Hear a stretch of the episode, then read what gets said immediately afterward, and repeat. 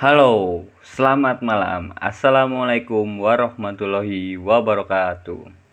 Perkenalkan, nama saya Noval Diaul Haq.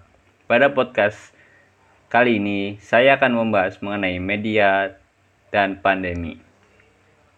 Tahun 2020 menjadi tahun yang cukup kelam bagi umat manusia di seluruh dunia, yang di mana terdapat musibah dalam bidang kesehatan, khususnya kesehatan masyarakat dengan munculnya coronavirus disease atau COVID-19 yang merupakan virus yang menyerang saluran pernapasan manusia atau menyerang paru-paru. Dan COVID-19 ini menjadi penyakit yang menakutkan bagi manusia. COVID-19 ini merupakan penyakit yang mematikan dengan menyerang saluran pernapasan manusia atau paru-paru manusia yang membuat atau menyebabkan manusia menjadi takut karena virus ini dapat menular antar manusia dengan berbagai cara. Penular ini menurut banyak media bisa berupa kontak fisik secara langsung dengan orang yang dianggap terjangkit virus tersebut, bisa melalui udara, dan bisa melalui bersin orang yang terjangkit COVID-19 ini karena ketidaksengajaan manusia hirup. Selain itu, virus ini juga dapat menyerang imun tubuh manusia. Virus ini dapat menyerang imun tubuh manusia ketika imun tubuh manusia itu sedang mengalami kelemahan. Tentunya virus ini akan masuk melalui udara yang dihirup oleh manusia dan masuk ke paru-paru akibat dari imun tubuh manusia itu yang lemah. Media, media massa saat ini kasus-kasus atau berita-berita mengenai COVID-19 ini dapat kita lihat di berbagai media-media massa yang ditayangkan oleh televisi, radio, dan lain-lain. Media massa saat ini menjadikan masa pandemi ini sebagai komoditas dengan menjual atau menayangkan berbagai kasus-kasus mengenai COVID-19. Banyak media-media seperti televisi, radio, media sosial yang menayangkan kasus-kasus orang yang terjangkit COVID-19 dengan jumlah masyarakat yang positif virus COVID-19 dan jumlah kematian masyarakat yang diakibatkan oleh COVID-19. Khususnya di Indonesia, media massa selalu menayangkan berbagai tayangan, informasi, dan berita mengenai masyarakat Indonesia yang terdampak COVID-19. Selain itu juga media menayangkan jumlah orang yang meninggal akibat COVID-19. Hal tersebut selalu menjadi produk yang diperjualkan oleh media kepada masyarakat sebagai sebuah informasi untuk masyarakat. Akan tetapi dengan sering media menayangkan berita mengenai orang-orang yang terserang COVID-19 ini tentunya akan memberikan ketakutan kepada masyarakat terhadap COVID-19 ini. Di Indonesia dalam proses pencegahan terhadap terhadap COVID-19 Media massa ini hanya melakukan penyuluhan dengan mengajak masyarakat Indonesia dengan beberapa upaya-upaya yang dicanangkan pemerintah yang kemudian ditayangkan melalui media massa. Upaya-upaya tersebut yaitu 3M. 3M ini merupakan program dari pemerintah dengan arti M pertama mencuci tangan dengan baik dan benar, M kedua menjaga jarak, M ketiga memakai masker, dan juga masyarakat diperintahkan untuk tetap berada di rumah dengan melakukan segala kegiatan yang mereka lakukan. Hal tersebut menjadi produk komoditas yang dilakukan oleh media terhadap masyarakat mengenai COVID-19.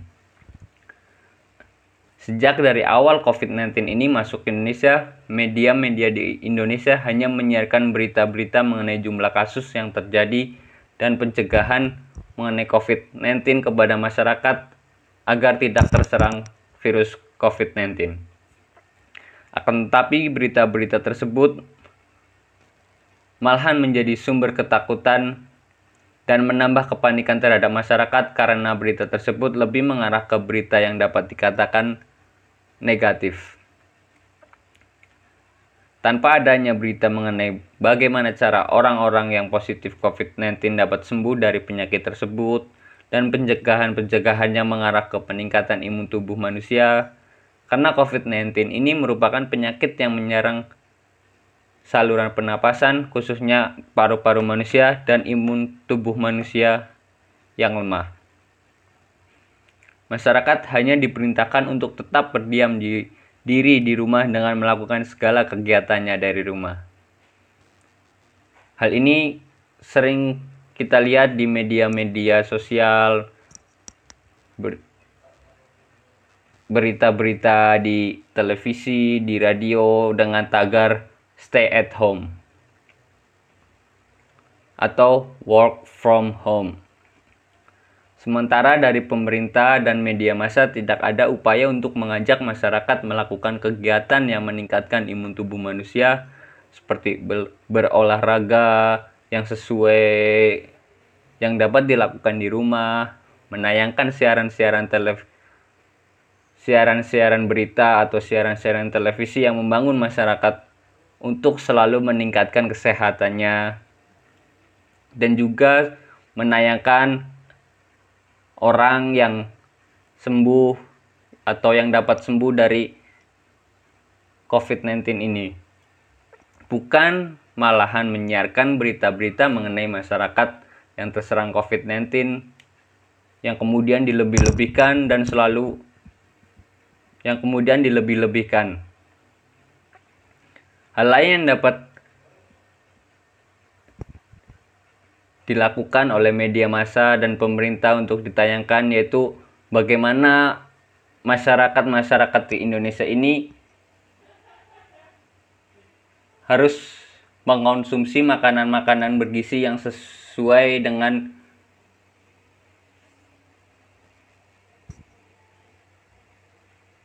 sesuai dengan standar kesehatan di dunia ataupun di Indonesia itu sendiri.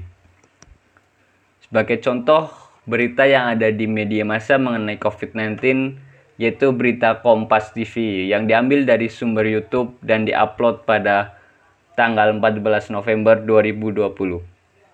Dengan judul Tembus 5000 lebih, Indonesia catat rekor baru kasus harian positif corona. Kasus positif corona di Indonesia ini bertambah menjadi 5.272 kasus.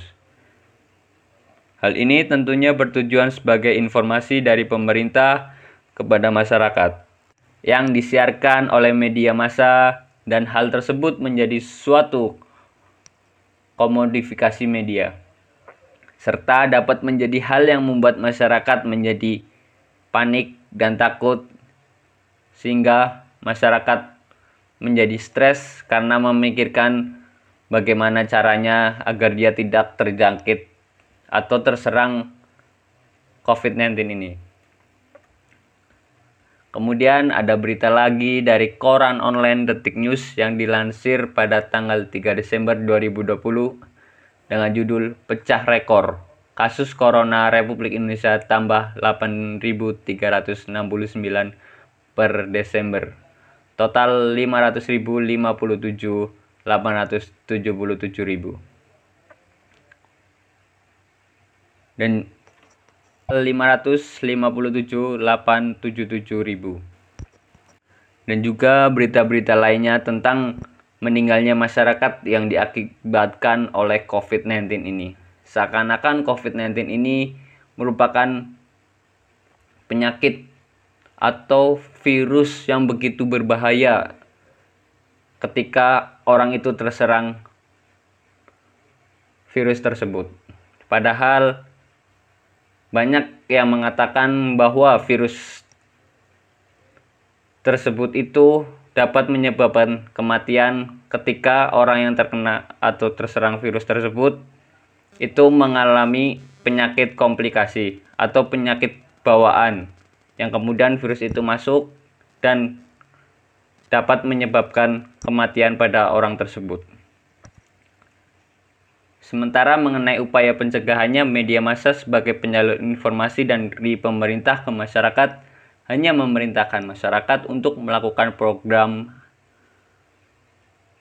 program 3M, yaitu mencuci tangan, memakai masker, dan menjaga jarak.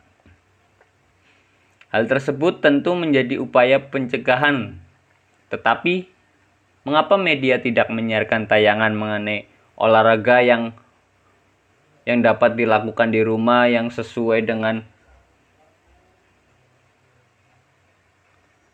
sesuai dengan